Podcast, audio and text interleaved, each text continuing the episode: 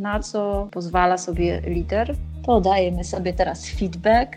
Coraz więcej osób w ogóle korzysta już nie tylko z psychologów, ale z psychiatrów. Super, świetnie to zrobiłeś, ale wiesz co? Następnym razem, jak będziesz to robił, to zwróć uwagę na to, na to, na to. WHO na swoją listę chorób wprowadziło też wypalenie zawodowe.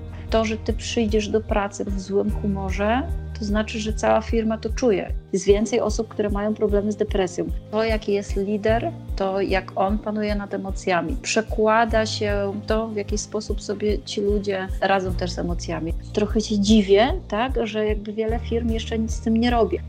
To jest podcast Master Your Emotions. Witam Cię w drugim odcinku Master Your Emotions podcastu poświęconego efektywnemu zarządzaniu emocjami w biznesie i w życiu osobistym.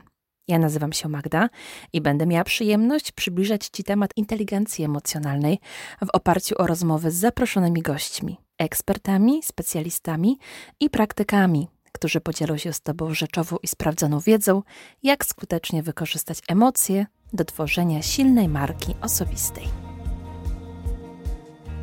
dzisiejszym odcinku będziemy gościć osobę, dzięki której ten podcast powstał i której podejście do inteligencji emocjonalnej w niebywały sposób zainspirowało mnie do tego, aby to właśnie z nią zainicjować serię odcinków poświęconych efektywnemu zarządzaniu emocjami w biznesie i w życiu osobistym. Mam ogromny zaszczyt zaprosić Was do wysłuchania rozmowy z Izabelą Janowską-Ścibisz, moją mentorką, jedną z najbardziej inspirujących osób, które poznałam na swojej drodze. Iza ma ponad 17 lat doświadczenia w komunikacji, zarządzaniu projektami i zespołami projektowymi, w budowaniu relacji z klientami. Była odpowiedzialna za jakość i zarządzanie działem obsługi klienta. Ma także ogromne doświadczenie w rozwoju biznesu i sprzedaży usług PR. Współpracowała z takimi markami jak Volkswagen Group, Nivea, Sphinx, Cinema City, Subway, Amica, Neo Makeup i wiele innych. Obecnie prowadzi własną działalność w branży konsultingu oraz jest mentorem Fundacji Liderek Biznesu. Porozmawiamy dzisiaj z Izą na temat znaczenia inteligencji emocjonalnej wśród szefów, menedżerów i liderów. Iza opowie nam o swoim doświadczeniu, o tym, co dla niej osobiście oznacza bycie emocjonalnie inteligentnym szefem, o tym, jakie błędy popełniają początkujący menedżerowie, jakie są konsekwencje braku efektywnego zarządzania emocjami na tym, na tym stanowisku i w jaki sposób zacząć pracę nad lepszym wykorzystaniem swoich emocji w środowisku biznesowym. Zapraszam do wysłuchania rozmowy. Cześć Iza. Cześć Magda. Iza, bardzo Ci dziękuję za przyjęcie zaproszenia do podcastu Master Your Emotions. Jest to dla mnie ogromna przyjemność móc dzisiaj z Tobą porozmawiać i nie ukrywam, że nie wyobrażam sobie, aby ktokolwiek inny mógł być gościem inauguracyjnego odcinka tego podcastu. Jak wspomniałam w powitalnym nagraniu, zawdzięczam Ci ogromne wsparcie w tworzeniu tego projektu. I myślę, że fakt posiadania swojego mentora jest szalenie motywujący i mobilizujący do tego, aby przezwyciężać własne ograniczenia, jak również, żeby starać się dawać z siebie to, co najlepsze. Dlatego, jeśli ktokolwiek zastanawia się, czy warto, potwierdzam z całym przekonaniem, warto. Bardzo dziękuję Magda. Nie ukrywam, że ja mam takie poczucie e, dumy, ale też właśnie wyróżnienia, że mogę e, się tu znaleźć, ale też e, właśnie taką dumę z tego, że to była z jednej strony czysta przyjemność praca z Tobą, a z drugiej po prostu takie niesamowite zaskoczenie, jak jak bardzo sprawnie tobie to poszło. Myślę sobie, że wiele osób robiłoby to trzy razy dłużej co najmniej, a u ciebie poszło to mega sprawnie, więc tym bardziej let's go. Jest mi bardzo miło z tego powodu, ale myślę, że jak ma się takiego mentora jak ty, to generalnie wszystko idzie dużo sprawniej. Bardzo się cieszę, że dobrnęłyśmy wspólnie do tego momentu, w którym startuje seria podcastów o inteligencji emocjonalnej w biznesie i w życiu prywatnym. Chciałabym zainicjować dzisiaj tę serię od poruszenia tematu inteligencji emocjonalnej wśród szefów. Myślę, że temat nieprzypadkowy, bo ostatnio coraz więcej mówi się o emocjonalnie inteligentnych liderach i o tym, jak niebywałe znaczenie ma dla pracowników umiejętne zarządzanie emocjami wśród kadry menedżerskiej. Pamiętam, że takim punktem wyjściowym naszych rozmów o emocjonalnie inteligentnych szefach były badania przeprowadzone w Stanach Zjednoczonych w The Yale Center for Emotional Intelligence, którym poddano prawie 15 tysięcy osób. I co się okazało w rezultacie tych badań? Menadżerowie, którzy akceptowali emocje swoich pracowników i co więcej, pomagali swoim pracownikom w konstruktywnym zarządzaniu nimi, wzbudzali entuzjazm i efektywnie panowali nad swoimi własnymi emocjami, sprawiali, że ich pracownicy byli szczęśliwsi, bardziej kreatywni i dostrzegali więcej możliwości rozwoju. Powiedz mi, co sądzisz o tych badaniach i jakie jest Twoje doświadczenie w tej dziedzinie? Wiesz co, znaczy cały temat w ogóle transformacji firm i firm turkusowych i wszystkich tych takich nowoczesnych modeli zarządzania związanych właśnie z nowoczesnym przywództwem, świadomym liderem i tak dalej, tak naprawdę właśnie jest o tym, tak? I rozmawiam z różnymi znajomymi, którzy zajmują się wspieraniem takich organizacji, to, to de facto jeśli tego typu projekty na przykład transformacyjne nie wychodzą, no to zazwyczaj dlatego, że lider sam nie przepracował albo swoich emocji, albo właśnie różnych swoich nawyków, albo przekonań i tak. I jakby kluczem jest y, zawsze wszelkich zmian to, na jakim etapie swojego rozwoju świadomościowego jest lider. Myślę, że jak najbardziej ma to sens. Tym bardziej, że to właśnie lider jest takim głównym katalizatorem emocji w zespole i to w dużej mierze od niego zależy, czy te emocje się kumulują, czy stwarza on możliwość swobodnego mówienia o nich. Guru inteligencji emocjonalnej Daniel Goleman definiuje inteligencję emocjonalną jako zdolność rozpoznawania uczuć własnych i innych, zdolność motywowania się i kierowania emocjami zarówno własnymi, jak i osób, z którymi łączą nas jakieś więzi. Co dla ciebie osobiście oznacza bycie inteligentnie emocjonalnym szefem? Hmm. Same emocje są w ogóle jakimś takim ogromnym obszarem, który mam wrażenie człowiek przepracowuje całe życie. Natomiast myśląc o szefie, czy w ogóle jakby o atmosferze firmy, to myślę, że byliśmy przez wiele lat uczeni, że tak naprawdę przykład idzie z góry, niezależnie od tego, czy to idzie od rodziców, czy to idzie od szefa i tak dalej. Moje doświadczenia są takie, że to, jaki jest lider, to jak on panuje nad emocjami, to jaką atmosferę stwarza w organizacji, przekłada się z jednej strony na kulturę organizacyjną w firmie, ale też to, w jaki sposób sobie ci ludzie radzą też z emocjami. I oczywiście, że można tutaj dawać argumenty, że przecież każdy jest inny, ma inny charakter, jest na innym etapie rozwoju, ale z drugiej strony jakby patrzy z góry, na co pozwala sobie lider, w sensie czy sam potrafi działać w stresie, bo myślę, że to jest jakby taki naj, najtrudniejszy wątek, czy, czy gdzieś tam w tych trudnych sytuacjach potrafi pociągnąć za sobą ludzi, a nie ich y, zdołować. Więc odpowiadając tak wprost na Twoje pytanie, inteligentny emocjonalnie szef, myślę, że to taki, który przede wszystkim ma przepracowane swoje emocje, potrafi nimi zarządzać, co w konsekwencji dzięki temu pozytywnie wpływa na organizację i na ludzi, którzy w niej pracują. Super, bardzo fajnie to ujęłaś i moje obserwacje w tym temacie są podobne. Natomiast tak, żeby skonfrontować się poniekąd z pewnymi stereotypami w tej dziedzinie, czy uważasz, że bycie emocjonalnie inteligentnym szefem oznacza, że jest się zawsze miłym dla swoich pracowników i że nigdy nie okazuje się negatywnych emocji?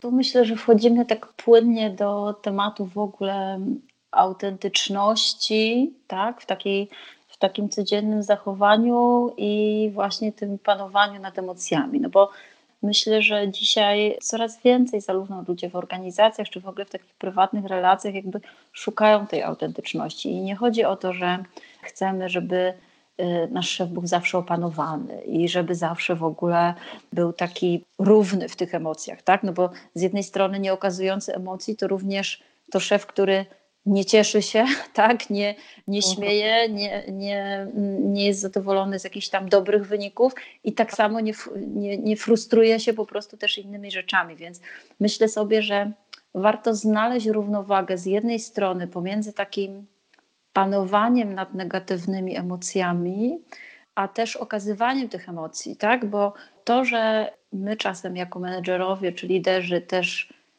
się boimy na przykład, tak? Czy czasem jesteśmy niepewni, czy czasem mamy gorszy dzień, to wręcz, przynajmniej z mojego doświadczenia tak to wychodzi, że, że ludzie czasem jakby nawet się cieszą, że, że my jako szefowie, menedżerowie też jesteśmy tacy normalni, że nie jesteśmy tacy idealni, że czasem mhm. też potrafimy mieć na przykład gorszy dzień, tak? Natomiast jest ta druga strona, na którą ja na przykład jestem bardzo osobiście przeczulona, czyli te negatywne emocje, bo czymś innym są emocje takie, które są pewnego rodzaju, nie wiem, słabszym dniem, a czymś mhm. innym są negatywne emocje, które gdzieś tam powodują, że ludzie pracują w stresie, co powiedziałabym nawet nie pracują, tylko po prostu próbują przetrwać, tak?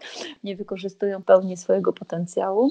Tutaj sztuką jest panowanie nad tymi właśnie takimi trudnymi emocjami, które po prostu wpływają y, negatywnie na ludzi i na ich pracę. No właśnie, bardzo wielu liderów ma problem z panowaniem nad swoimi emocjami, zwłaszcza nad tymi negatywnymi. Jakie są Twoim zdaniem jeszcze inne przejawy braku inteligencji emocjonalnej? Co, myślę, że brak inteligencji emocjonalnej jest związany z tym, że, że ludzie nie są świadomi swoich emocji, próbują być tacy, jak im się wydaje, że powinni być, albo po prostu wypuszczają wszystko, i dobre, i złe, i jakby bez świadomego myślenia o tym, jakie konsekwencje może to wpłynąć na ludzi, z którymi współpracuję. Skoro już mówimy o konsekwencjach, to Jakie Twoim zdaniem są konsekwencje braku umiejętności zarządzania emocjami na szczeblu menedżerskim?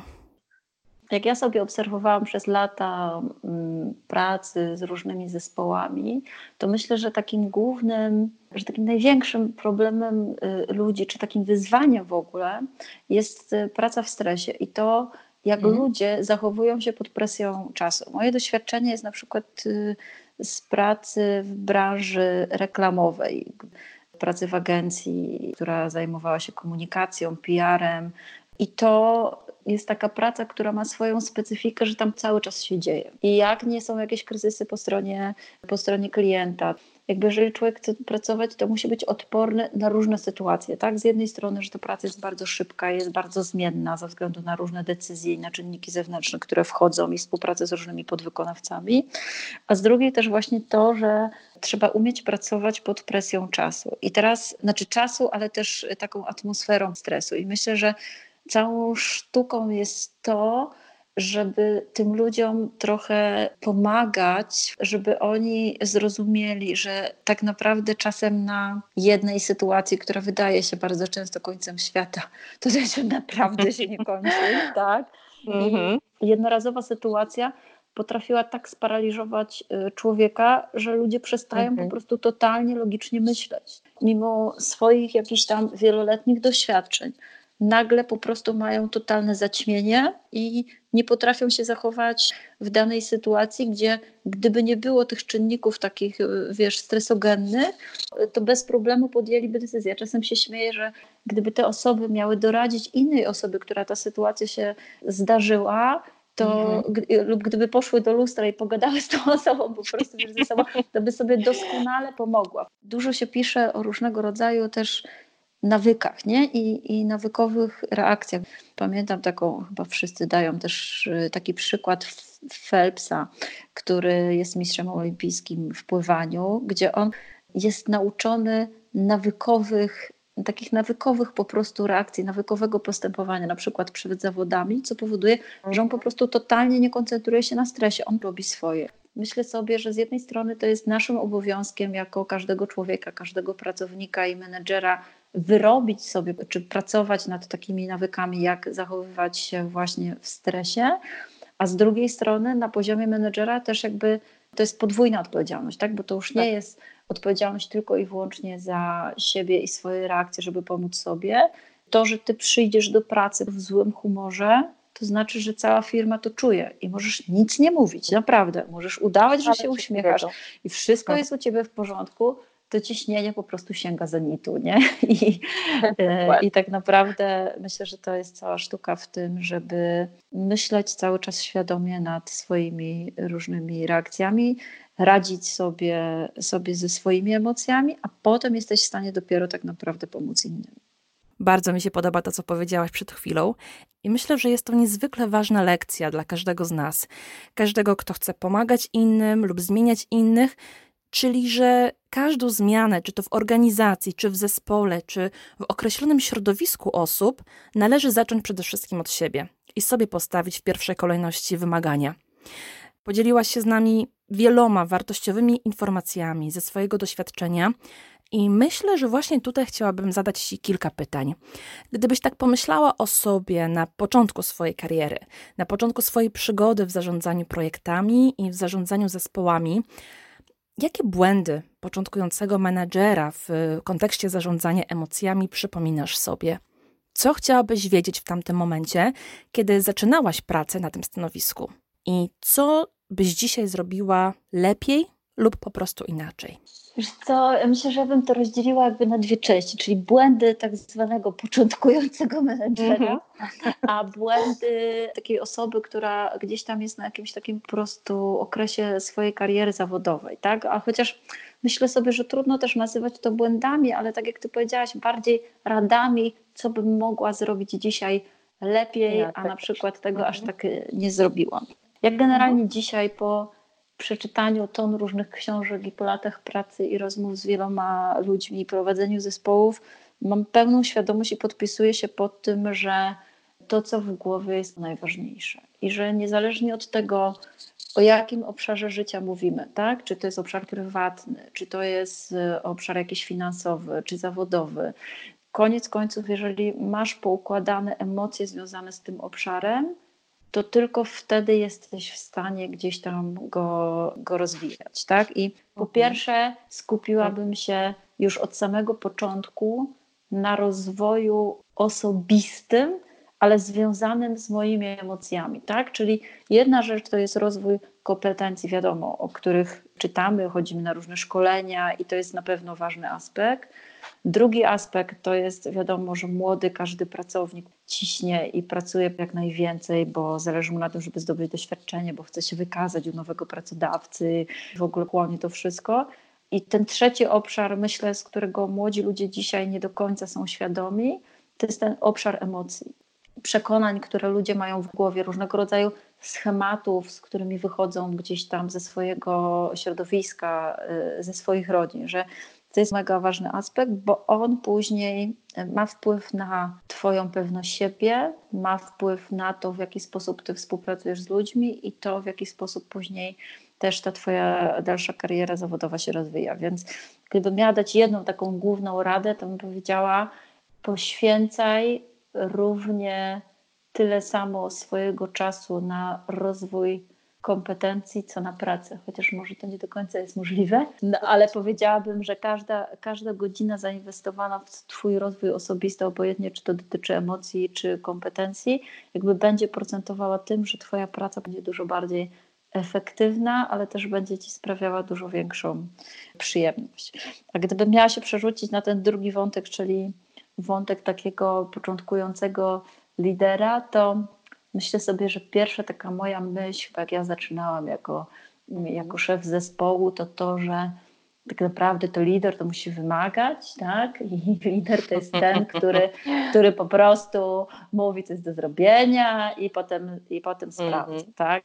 I chyba to są takie, wiesz, takie moje pierwsze wspomnienia. I oczywiście i mimo to, że pewnie każdy młody menedżer czytał o różnego rodzaju motywowaniu ludzi, to koniec końców myślę, że jest to bardzo trudne my jesteśmy w większości nauczeni takiego nawykowego, negatywnego myślenia. I, jak ja na przykład zaczęłam pracę nad swoim rozwojem, zawsze mi się wydawało, że ja to jestem w ogóle taką, że ja mam takie w ogóle wysokie poczucie własnej wartości, że w ogóle takie tak dobrze, y, dobrze myślę o sobie, tak pozytywnie. I kiedy zaczęłam pracę nad tym, to zobaczyłam, że kurczę, jaka to jest sztuka. Po pierwsze, pozytywnie myśleć o sobie w większości.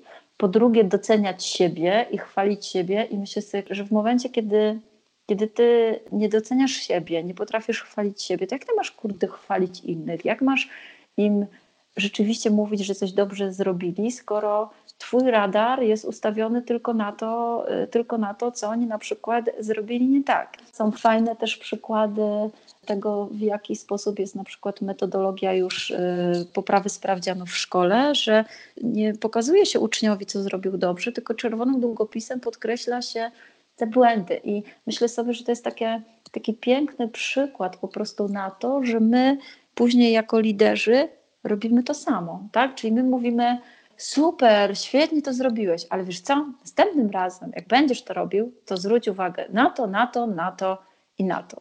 Ale koniec mhm. końców, z tego super, że to zrobiłeś, ten człowiek nic nie wie, mu w głowie nic nie zostaje, ponieważ mhm. super jest totalnym brakiem konkretu. I ja pamiętam, jak wiele razy przygotowywałam się do różnych, do różnych rozmów, czy to kwartalnych, czy to rocznych, czy w ogóle właśnie jakichś takich feedbackujących i i myślałam sobie, kurczę, to nie jest takie proste, że po prostu usiąść i, i tak wypunktować te, y, te dobre rzeczy. Ale z czasem, to mogę powiedzieć, że z czasem, kiedy to już przychodzi dużo łatwiej i myślę, że cała sztuka jest w tym, kiedy tak naprawdę już nie siedzisz w tych wszystkich formułkach i nie patrzysz, ok, dobra, to co tu powinno się powiedzieć, tak? A tu wymień trzy te rzeczy naprawdę, które są najbardziej, najlepiej po prostu człowiek zrobił i nie mów więcej. I powiedz tylko jedną, którą ma poprawić na przykład, nie? No to, Albo to myślę sobie... Tak, tak, dokładnie. To, o Jezu, ja nie znoszę w ogóle tej metody kanapki, ona jest po prostu... Ja po prostu, ja, ja jak usłyszałam tę metodę z góry, to po prostu myślałam, że się załamie. Także myślę, że moje najlepsze rozmowy, najbardziej konstruktywne były wtedy, kiedy z jednej strony nie były planowane, czyli były zwykłymi e, pochwałami czy rozmowami, kiedy ludzie czuli, że ja naturalnie doceniam ich pracę. I to nie chodzi tylko o mnie, ale w ogóle też, kiedy różni liderzy dawali feedback swoim ludziom, kiedy po prostu to były takie szczere reakcje i kiedy ludzie uczyli się mówić: Słuchaj, to, co ty zrobiłeś, naprawdę bardzo mi pomogło, bo dzięki temu ja na przykład mogłem oddać coś tam klientowi i tak dalej. I im więcej w tym było takiej szczerości i autentyczności, tym ci ludzie fruwali pod niebo, nie? A w momencie, kiedy dochodziło do sytuacji, kiedy mówię, no dobrze, to dajemy sobie teraz feedback, wiesz, ludzie na, sam, na samą myśl słowo feedback już myślę, że generalnie w wielu organizacjach dostają zawału, nie? I nawet już, już nie słyszą potem, bo wiesz, nawet jak ktoś chce powiedzieć coś, coś dobrego, bo już czują, że po prostu oho, dobra, no to to jest takie, wiesz, takie, takie sztuczne albo przygotowane, nie? Słuchacie podcastu Master Your Emotions. Rzeczywiście, dobry feedback jest sztuką i ludzie bardzo szybko odczytują nasze intencje. Doskonale wiedzą, kiedy feedback jest autentyczny, a kiedy jest tylko wymuszoną formułką. I wydaje mi się, że to właśnie emocje, jakie temu towarzyszą, bardzo szybko to zdradzają. No właśnie, czy spotkałaś na swojej drodze wśród innych menedżerów takie antyprzykłady efektywnego komunikowania swoich emocji, zwłaszcza w kwestii udzielania feedbacku? ja nawet chętnie bym powiedziała tych pozytywnych. Z jednej strony y, uważając się za taką, wiesz, y, w ogóle naturalną, niepoprawną optymistkę życiową, to generalnie jestem za tym, żeby właśnie jakby skupiać się na tych pozytywach. Teraz już prowadzę swoją firmę konsultingową i mam jednego z klientów, który jest w procesie y, takim transformacyjnym też swojej firmy, bo zależy mu na tym, żeby doprowadzić gdzieś tam właśnie do takiego nowoczesnego modelu zarządzania. Niezależnie od tego, czy ta firma się będzie nazywała turkusową, błękitną czy inną, ale gdzieś tam czerpie różnego rodzaju właśnie takie inspiracje z tego. I on dla mnie jest na przykład takim, taką fajną inspiracją, bo pamiętam, że jakby jedna z rzeczy, którą robiliśmy ostatnio dla niego, to była, to było by wiesz, zrobienie prostych identyfikatorów dla ich e, przedstawicieli. I pamiętam, że on do mnie zadzwonił i mówi, Iza, w zasadzie wiem, że to, jest, że to jest taka mała rzecz, ale ja naprawdę nie wiedziałam, że, że to może tak ładnie wyglądać. Nie? I pamiętam, że chwilę pogadaliśmy o tym, gdzie tak naprawdę wcześniej ustaliliśmy, że wiesz, że, że on nawet nie będzie tego akceptował, tylko bo mam to sobie ogarnąć z, z, tam z ludźmi od niego ze sprzedaży, ale to było takie naturalne i takie budujące i myślę sobie, że jakby ja wiem, że on tak postępuje też y, ze swoimi ludźmi, mimo to, że ja jestem jego gdzieś tam partnerem biznesowym czy podwykonawcą, obojętnie jak to nazwiemy, to wiem, że właśnie To jest takie podejście, kiedy pracujesz w oparciu o pewne wartości, którym jest między innymi szacunek dla drugiego człowieka, w którym jest y, myślenie, że tak naprawdę wszyscy współpracujemy razem i mamy wspólne cele i każdy potrzebuje też z jednej strony takiej pozytywnej motywacji, ale też właśnie takiego, takiego docenienia. I myślę sobie, że bardzo sobie cenię wszystkich menedżerów, którzy, ale w ogóle też ludzi, bo myślę, że by trudno oddzielać też zachowania menedżerów od zachowań ludzi, bo ja uważam, że to, jakim jesteś menedżerem, to, to znaczy, że po prostu takim jesteś człowiekiem, bo, bo to, że ty na przykład przyjdziesz i do pracowników będziesz dzisiaj się odzywał, nie wiem, w sposób jakoś bardzo miło, a do kelnera w restauracji powiesz coś na przykład niefajnego i nieprzyjemnego, to dla mnie to jest brak spójności. Nie do końca jesteś szczery i autentyczny w każdym, w każdym obszarze, bo myślę, że taki świadomy lider, świado, który świadomie zarządza emocjami, jest bardzo spójny na poziomie wartości i swoich zachowań w każdym obszarze swojego życia, tak? Czyli nie jest tak, że kiedy idzie do pracy, tu jest w ogóle super gościem, który, wiesz, zarządza i w ogóle, a idzie do domu i siada na kanapie i się w ogóle nie odzywa. I myślę, że tak by jest taki duży wtedy wydatek energetyczny, więc ja jestem zwolennikiem właśnie takiej równowagi w każdym, w każdym obszarze życia. Dokładnie. I myślę, że cały proces zaczyna się właśnie w naszej głowie. I tak naprawdę wydaje mi się, że żadne techniki nie przyniosą długotrwałych rezultatów, jeśli są one sprzeczne poniekąd z naszymi przekonaniami. Gdybyś teraz e, pomyślała sobie o ostatnich 15-16 latach, bo tyle też spędziłaś w swojej ostatniej firmie, czy czujesz, że to, czego się nauczyłaś, to, czego doświadczyłaś w zakresie inteligencji emocjonalnej, przeniosło się na Twoje życie osobiste? A jeśli tak, to w jaki sposób? Mam takie dwie refleksje, które do mnie przyszły. Jedna, że, że tak naprawdę obydwa obszary zawsze w, w jakiś sposób na siebie wpływają i, i pamiętam że kiedyś sobie rozmawiałyśmy z taką koleżanką, która też urodziła dzieci, bo ja też mam dwójkę i pamiętam moment, kiedy po prostu wracałam do pracy po urodzeniu pierwszego dziecka i później z nią też rozmawiałam i ona mówi po tym, jak moje dziecko miało 40 stopni gorączki, to już mnie w pracy nic nie rusza, nie? Mówi po prostu, więc jakby z jednej strony mam takie dwie refleksje, czyli że, że na przykład urodzenie dzieci spowodowało, że ja po prostu stałam się jeszcze większym mistrzem organizacji, bo po prostu trzeba było pogodzić różne rzeczy, zarówno prywatne, jak i zawodowe, ale to też powodowało, że po prostu cały czas doskonaliłam różne umiejętności zarządzania projektami, zespołem i tak dalej. Natomiast z drugiej strony największy wpływ tak naprawdę na moje obszary takie życiowe i na wszelkie moje decyzje miało, miała moja osobista praca z różnymi emocjami, osobista praca w ogóle nad sobą, nad swoim rozwojem, nad zastanowieniem się, czego ja chcę, jak chcę pracować, z kim chcę pracować, w oparciu o jakie wartości.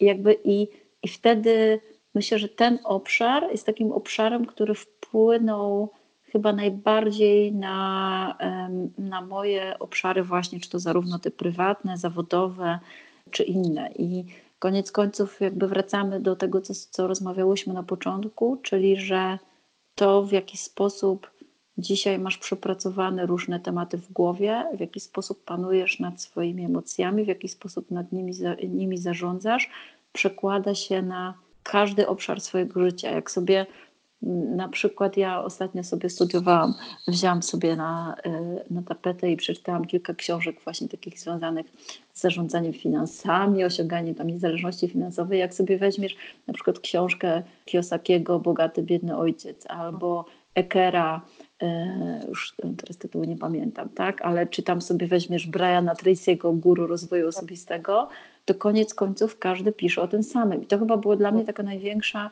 niespodzianka, że z jednej strony niby czytam książki finansowe, tak, dotyczące zarządzania finansami jakimiś osobistymi czy zawodowymi. I pierwsze książki są o tym, co ja mam w głowie, jakie są moje przekonania dotyczące finansów, za jaką kwotą ja jestem w stanie stanąć i powiedzieć sobie, ok, tyle jestem w stanie mentalnie po prostu zarabiać, tak? I, i, I tam było niesamowite właśnie to, jak dużą część oni poświęcili właśnie temu, co masz w głowie, a dopiero potem jakimś stricte konkretnym narzędziom, które, y, które możesz wykorzystać.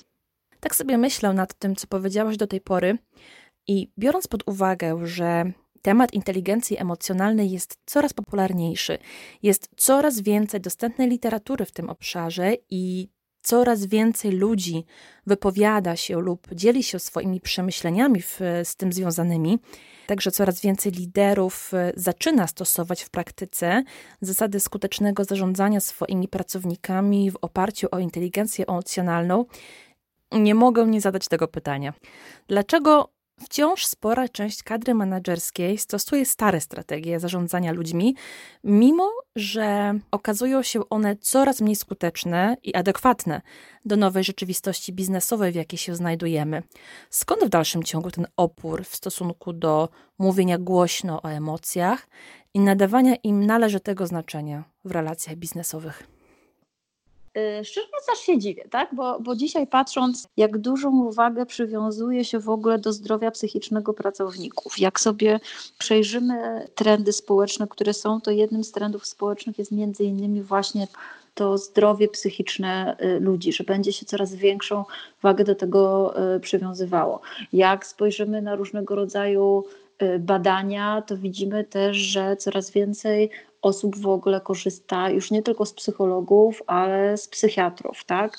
WHO na swoją listę chorób wprowadziło też wypalenie zawodowe. Tak? Jest więcej osób, które mają problemy z depresją, czyli szczerze mówiąc, trochę się dziwię, tak, że jakby wiele firm jeszcze nic z tym nie robi, ale z jednej strony to jest tak, że jak to z nawykami, tak? Czyli trudno nagle po wielu latach bycia menedżerem zmienić to, co działało przez wiele lat, tak? I co funkcjonowało i nagle po prostu zacząć działać inaczej.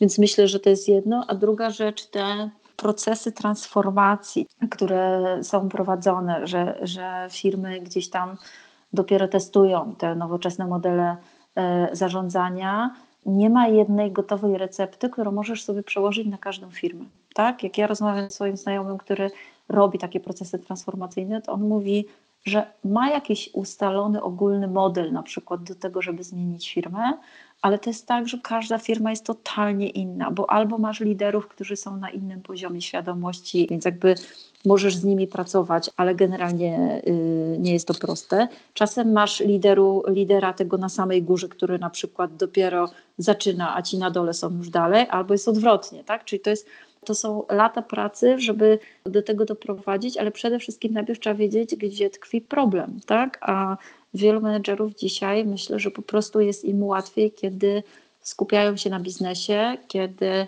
z jednej strony mają komórkę HR-ową, która jakby załatwia te podstawowe takie tematy związane z motywacją i zaspokojeniem potrzeby pracowników, tak? A, a rzeczy, które są związane już z takimi trudniejszymi tematami, kiedy trzeba ludzi wysłuchać, kiedy na przykład coraz więcej młodych ludzi chce mieć poczucie, że ich, że ich praca przynosi coś dobrego, że mają na coś wpływ, że mają poczucie sensu. To się jakby totalnie zmienia. Tak? Jak ja wchodziłam na rynek pracy, to był okres, kiedy był wyścig, tak zwany wyścig szczurów, czyli wszyscy ciężko pracowali na karierę, na karierę zawodową, tak, bo się wydawało, że to jest jakby najlepsza droga, tak, a dzisiaj młodzi ludzie mają inne podejście i z badań wynika, że oni już nie chcą tak zapierdzielać, jak my, jak my pracowaliśmy mhm. po prostu na początku, bo widzą, że co z tego, że mają rodziców, którzy się dorobili, którzy pozakładali swoje firmy, ale to są rodzice, którzy mają kredyty, których nie ma często w domu, którzy są już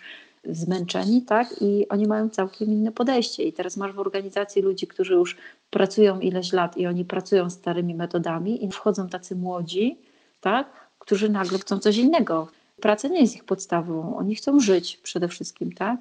I zamyślisz, że to jest właśnie powód tego, dlaczego te stare strategie kiedyś działały, a dzisiaj coraz rzadziej się sprawdzają, bo mamy nowe pokolenie z nowymi oczekiwaniami, z nowymi metodami pracy i podejściem do pracy, i dlatego współcześni liderzy mają ogromny problem z adaptowaniem się do nowych wyzwań, jakie niesie ze sobą inteligentne emocjonalnie zarządzanie zespołami? Wiesz co, ja myślę, że, że z jednej strony to jest to, że wchodzi nowe pokolenie na rynek pracy, ale z drugiej też strony, wiesz, jak ja obserwuję, w jaki sposób ludzie, którzy zajmują się różnego rodzaju formą rozwoju osobistych, tak? Czy to jest coaching, czy to jest mentoring, czy to są jakieś kursy medytacji, czy różnego rodzaju. Jak widzę, jak rośnie gigantycznie po prostu, ich biznesy rosną, bo, to, bo rośnie po prostu zapotrzebowanie ludzi, to myślę sobie, że generalnie również to starsze pokolenie jest bardziej świadome, tak? Zaczyna się zastanawiać nad, nad swoim życiem. Wiesz, dochodzi do takiego momentu, w którym myśli, ok, dobra, ale czy to, co ja robię, to ma sens? Czy to jest to, o czym ja ciągle marzyłam, tak? I, i gdzieś tam mimo to, że jest wiele osób, które się, wiesz, mogą śmiać z rozwoju osobistego i zadawania sobie tych pytań na zasadzie, o dobrze, no to jakbym wiedziała, że za pół roku umrę, to co bym robiła, bo wiadomo, że, że gdzieś tam od takiego, wiesz, myślenia i pomysłu, a do wdrożenia tego w życie jest po prostu to trudne, ale gdzieś tam mobilizuje to do takiego zastanowienia się, czy, czy to życie, które masz, tak naprawdę jest takie, o jakim po prostu marzyłaś, nie?